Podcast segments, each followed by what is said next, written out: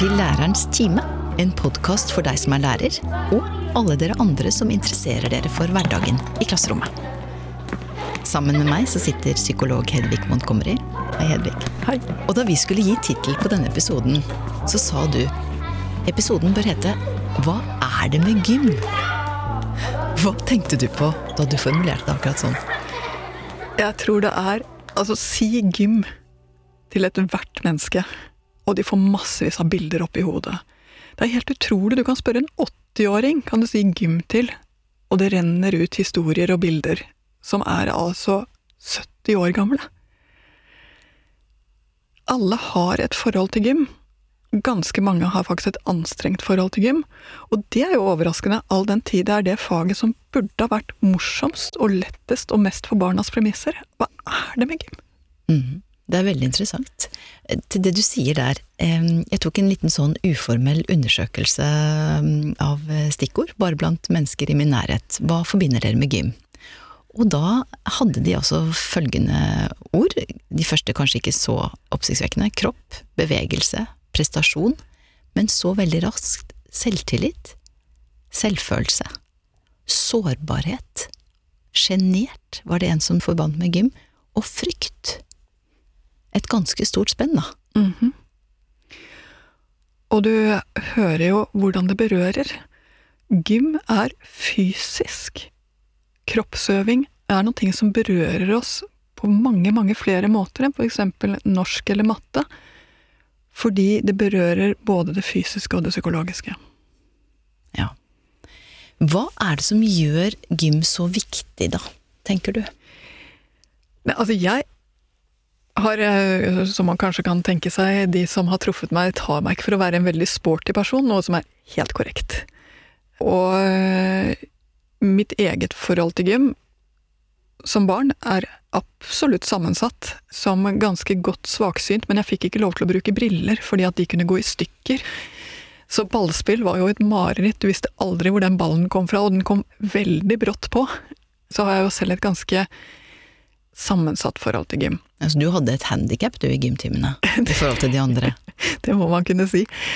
Men når det er sagt, så vet jeg én ting som er mye, mye sannere enn dette her, som er små ting som vi kunne ha justert oss bort ifra, faktisk. Og det er at gym er kanskje et av de viktigste fagene i hele skoledagen. Fordi gjennom å lære seg å kjenne sin egen kropp, bruke sin egen kropp, så lærer man seg også å trives i egen kropp, og når man trives i egen kropp, så triver man også i egen syke på en helt annen måte. Gymfaget er kanskje det faget som er mest naturlig livsmestringsfag. Der hvor man lærer seg å være seg selv på sitt beste og trives med seg selv sånn som man er. Mye, mye viktigere enn noen av de andre fagene vi har på skolen. Og det legger også grunnlaget for læring, fordi konsentrasjon er noen ting som eh, faktisk går veien om fysisk bevegelse langt opp i årene, og spesielt hos barn. Og trivsel i gruppen, kjenne hverandre, trives med hverandre, når man leker baser, bruker kroppen, lager en helt annen form for nærhet enn når man prater sammen eller eh, sitter organisert sammen. Så gymfaget er, med respekt å melde, kanskje det aller, aller viktigste faget vi har i hele skoleuka. Og da er jo spørsmålet hvordan kan vi bruke det sånn at det blir den gode opplevelsen og det læringspunktet av nettopp disse tingene. Ja, for hvis vi skal eh, kikke litt tilbake i tid, bare raskt på gymfaget, da. Hvis vi går helt tilbake til slutten av 1800-tallet, så startet jo gym som et fag for guttene, hvor de skulle lære seg å bli soldater, altså. Mm -hmm. Det var eh, militære som var gymlærere, og de lærte til og med å skyte i gymtimene. Og så kommer jentene inn, og da er det adskilt gym, med kjønnene hver for seg, ikke sant, og jentene skulle lære smidighet og letthet, og guttene skulle selvfølgelig lære styrke. Og så er vi oppe i min og din tid på 70-tallet og videre, da var det jo felles gym, men veldig idrettsfokusert og prestasjonsfokusert. Og én og én over den bukken, husker du det, og én og én opp i de tauene og skulle komme helt opp til taket. Det var jo et mareritt. Og så er vi ikke så veldig langt tilbake i tid fra nå, før det var disse Cooper-testene og stoppeklokka og fløyta, og enormt mye fokus på sånn måling av alle typer ferdigheter. Og ingenting av dette handler om det du sier nå. Så har vi fått en ganske ny læreplan som inkluderer eh, mer dette med mestring, og at uh, hver enkelts forutsetninger skal inn i bildet, og også med forhold til natur. Men jeg hører og ser ikke noe om dette med psykisk helse og det med å bygge en base inni seg selv, da. Sånn som du beskriver det. Mm. Det, altså det som er litt interessant, det er at all fysisk aktivitet er veldig personlig og privat. Du er midt inne i et menneskes skamsenter og eh, mest private senter når du skal instruere ham eller henne til å gjøre noe fysisk. Jeg tror det er lett å undervurdere hvor personlig dette er, og det er vel nettopp det vi får opp når vi hører historier om folks forhold til gym, det er nettopp hvor personlig det er. Og når du har et barn som kommer fra en familie som er ganske stillesittende, det er umulig å ikke ta det personlig når læreren påpeker at uh, du er litt uh, tung i rumpa over den bukken, uh, at du trenger å bevege deg mer. Altså, det er rett inn i deg sånn som du er. Så dette krever jo en fingerspissfølelse som er det stikk motsatte av det man kanskje tenker når man tenker på den stereotype gymlæreren, så er jo det kanskje noe annet. Men denne følelsen i hvordan du ser på barna, hvordan du snakker til barna, hvordan du håndterer det at hver og en av dem skal vokse inn i sin egen kropp og sin egen trygghet, at de skal like å bevege seg, og like seg selv i bevegelse, sånn at de fortsetter med det. For barn som fortsetter å bevege seg inn i voksen alder, det er vel ingenting som sparer helsevesenet for mer penger enn akkurat det. Så få inn denne bevegelsesgleden er kanskje det mest forebyggende av alt som kan gjøres i hele samfunnet. Så viktig er gymtimen, og så vanskelig er det å få til, for igjen, spennet vi har allting fra de som kommer fra de skikkelig høypresterende idrettsfamiliene, som skal få lov til å skinne litt og vise frem at de går på minst tre aktiviteter hver eneste uke, og som glitrer med det. De må jo få lov til å føle seg bra med det. Samtidig som vi også har de familiene som ikke har noen kultur for uh, noe annet enn uh, prate sammen, spise sammen, uh, kose seg. Det er liksom der denne familiekulturen ligger. De har ikke prøvd noen apparater før, eh, har knapt nok sett sport på TV. De må jo også få lov til å føle seg bra i det å være inne i gymsalen og det å være inne i gymfellesskapet. Det må finnes plass også for dem. Så gymlæreren står der med et kjempespenn i gruppen sin, og det er både viktig å få de som trives med disse aktivitetene, til å få lov til å føle seg flinke, og at det faktisk er noe verdt. Men også få med de som er nybegynnere, de som ikke har prøvd på det før, til å eh, rette ryggen og, og tenke ja, men det, det er for meg, det også. Og faktisk så er det én gruppe til. Og den blir tydeligere og tydeligere opp eh, når vi kommer opp eh, på ungdomsskolenivå, men vi kan se den tidligere også det er de som har et direkte selvskadende forhold til egen kropp. Som gjør ting mer eller mindre bevisst med kroppen sin for å vise at de har det dårlig. Trener alt, alt, altfor mye. Eh, og eh, kanskje til og med begynner å tenke på å bruke steroider eller andre kunstige veier på å få den lille hestekroppen som, som de ønsker, som er en ren skadelig atferd, til de som sulter seg, som spiser altfor lite for å på et eller annet vis uttrykke den smerten de sitter med, til de som bare har gitt opp både seg selv og ikke vil ta noe plass, eh, og hvor skammen har flyttet inn og tatt bolig i hele kroppen. Så du sitter jo også med de som ikke bare har en, eh, en litt nybegynnertilnærming eller en usunn tilnærming til bevegelse og kropp, men du har også de som har en direkte selvskadende forhold til egen kropp. Hvordan tenker du at gymlæreren skal møte disse tre gruppene? Mm. Jeg tenker jo at eh, med de ukompliserte, de som eh, kommer og kan dette her, så er det bare å fortsette. Eh, rett og slett sørge for at det er aktiviteter som er gøy, hvor de får lov til å strekke seg og prøve seg. Eh, med de som har den litt mer nybegynnertilnærmingen eller den usunne tilnærmingen, så handler det om å bruke tid og være oppmerksom, komme med små tips, og ikke være invaderende. Altså, her har vi tid. Her er det veldig viktig å ta vare på det psykologiske perspektivet. Rett og slett at uh, man finner ting som denne gruppen også syns er gøy å være med på. At man løfter frem også de aktivitetene, selv om de kanskje ikke er de som står først i tanken på den ukompliserte gruppa. At dette også blir sett på som viktig den leken på slutten, eller uh, hva det nå kan være for noen ting. Og at man har aktiviteter som er mer lekorienterte og mindre resultatorienterte. Når det gjelder selvskadegruppen, så er jo det aller viktigste å ikke gjøre ting verre. Og det er faktisk vanskelig nok i seg selv. Men jeg tror at hvis du ser noen som virkelig sliter med kroppen sin på en av disse veldig forskjellige måtene, så er det å legge merke til det, nikke til det og tenke noe pent om den eleven inni seg. Fordi elever legger veldig godt merke til når, når læreren tenker ikke så pene ting inni seg. Og så passe på å komme på tomannshånd en eller annen gang og si du, jeg ser at det ikke alltid er så lett for deg. Hva er det for noen ting som skjer? Eh, og så bare kanskje få noen ord om det, og si jeg vet én ting, dette betyr noen ting nå, og det betyr noen ting fremover, og jeg syns at du skal snakke med helsesykepleier om dette, og jeg kan være med. For dette er du ikke alene om.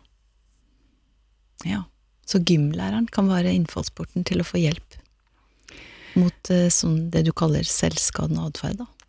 Jeg tror av og til at gymlæreren er den som ser dette best. Fordi du ser andre ting når du ser et barn i bevegelse, enn når du ser et barn som sitter stille. Og du ser andre ting når du er inne på denne nærheten som kroppen gir, når det ikke bare er mentalt, men også kropp. Så ser du kanskje hele barnet på en annen måte. Det er ikke sånn jeg er vant til å tenke på gymlærere, merker jeg. Nå utfordrer du mitt bilde av gymlærere på en veldig fin måte. Ja.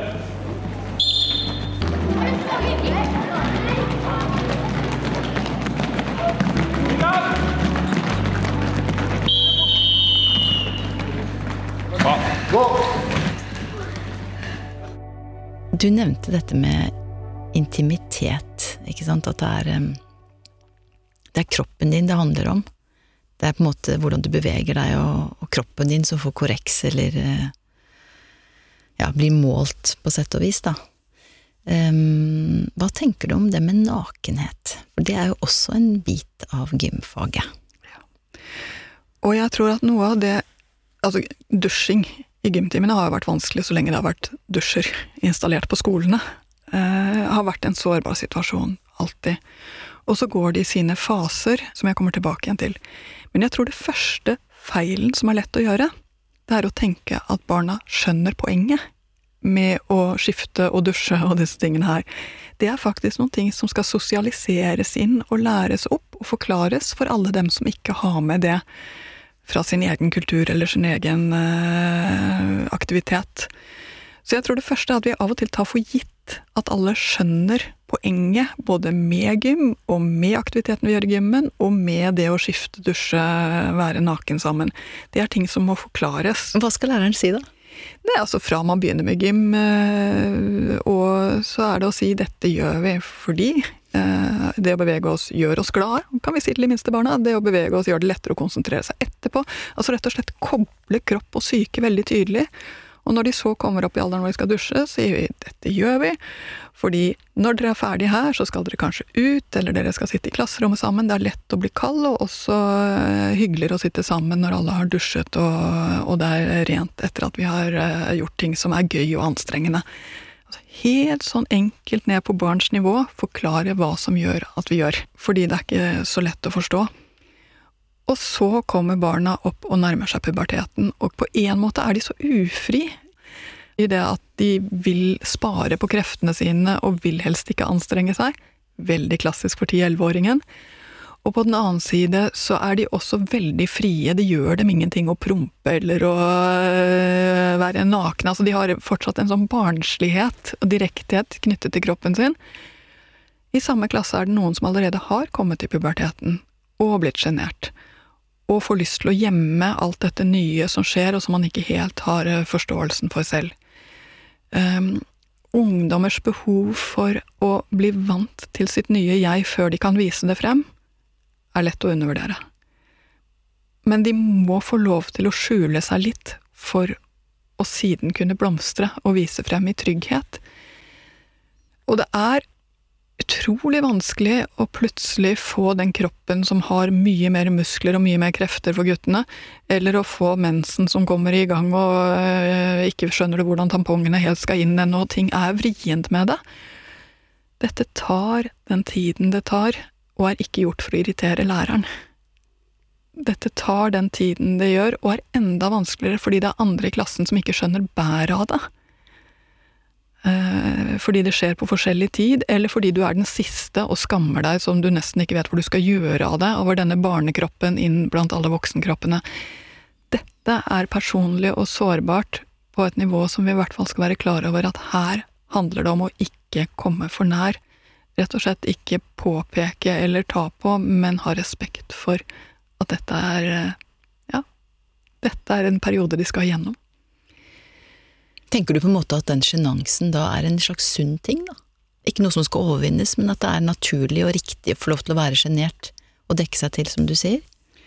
Altså, det er jo en grunn til at uh, ungdommer over hele kloden går inn i en periode med for store klær, og aller helst hetter også. Uh, det å skjule kroppen sin og gå lut i ryggen når man plutselig har vokst for fort og sånne ting. Du kan reise til et hvilket som helst samfunn og se det samme kroppsspråket og nesten kunne sette punktet på når puberteten inntrådte hos denne personen, ut ifra hvordan han eller hun skjuler seg og oppfører seg. Eh, så det er en fase, det er ikke et trass i det. Det er en fase. Jeg tror bare det tar lengre tid å komme seg gjennom den hvis man sier at det er ikke lov, her må alle gå rett i ryggen, eller her må alle gå i, i stramt gymtøy. Jeg tror jeg bare det går fortere over hvis man aksepterer og, og, nikker til det eh, og sier 'jeg vet', og så ser de jo at det går over. For det gjør det. På et eller annet tidspunkt så er det ikke noen grense for hvor stramme de klærne er. Syns du at eh, barn og ungdom skal presses til å dusje nakne, eller skal de få lov til å velge det selv? For det har jo vært perioder hvor, eh, og det er fremdeles mange skoler og klasser der de ikke er nakne i dusjen. Jeg skulle jo ønske, og jeg sier det sånn fordi det er sånn jeg føler det, jeg skulle ønske at det å dusje naken var en helt like til dagligdags ting. For at det skal bli det, så tror jeg at vi både må si noe om grunnen til at vi gjør det, og vi må passe på at barna ikke er alene når de dusjer, altså at, at de bare har eh, på en måte gatas hierarki som tiåringer, for det håndterer de ikke. Som treåringer så trenger de å vite at de blir passa på, at det er voksne som ser og hører og, og hjelper dem når de står fast. Eh, så sånn sett så er det rett og slett litt et ressursspørsmål. Hvordan kan vi få dette til å være trygt, til å oppleves trygt? Utrygghet i garderoben fører ikke noe godt med seg.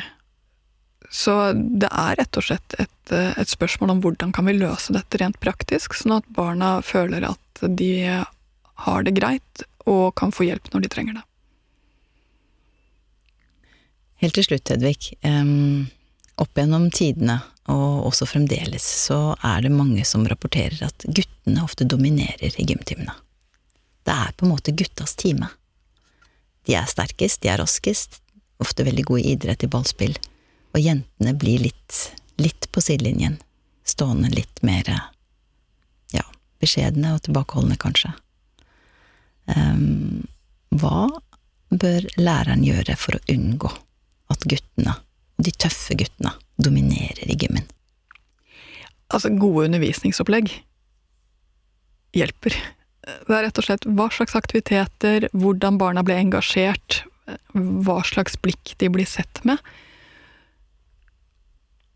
Det er ingen natur... Altså, langt opp i årene så er det ingenting uh, som tilsier at guttene er sterkere enn jentene. Faktisk motsatt, hvis vi ser på mellomtrinnet. Så er ofte jentene både uh, sterkere og, raskere. Så det handler vel litt om hva slags kjønnsstereotypier vi har laget oss rundt gym og trening. Og så handler det vel også om hvilke aktiviteter vi gjør. Jentene har jo lyst til å strekke seg inn i kvinneaktivitetene, og vi ser jo det at i håndball f.eks., som nå blir sett på som en kvinneaktivitet, sånn var det ikke da du og jeg vokste opp. Nei. Da var det guttene som dominerte på håndball fordi det var liksom en guttegreie. Mens nå er det jo ikke en guttegreie lenger, og vi ser at jentene tar seg godt til rette på håndballbanen, også i gymmen. Så hva jeg tenker, altså vi må bare gjøre ting som jentene også strekker seg inn i, og vi må passe på at det ikke er slik at guttetingene eller at eh, herretingene er finere enn jente-dametingene. Det viktigste er å få lov til å være trygg i kroppen sin, bruke kroppen sin, få lov til å kjenne hvordan det er å strekke seg ut i ytterst i fingerspissene og anstrenge seg. Det gir så enorm livsglede tilbake igjen, og gir vi det til hvert eneste barn, da har vi gitt noen ting.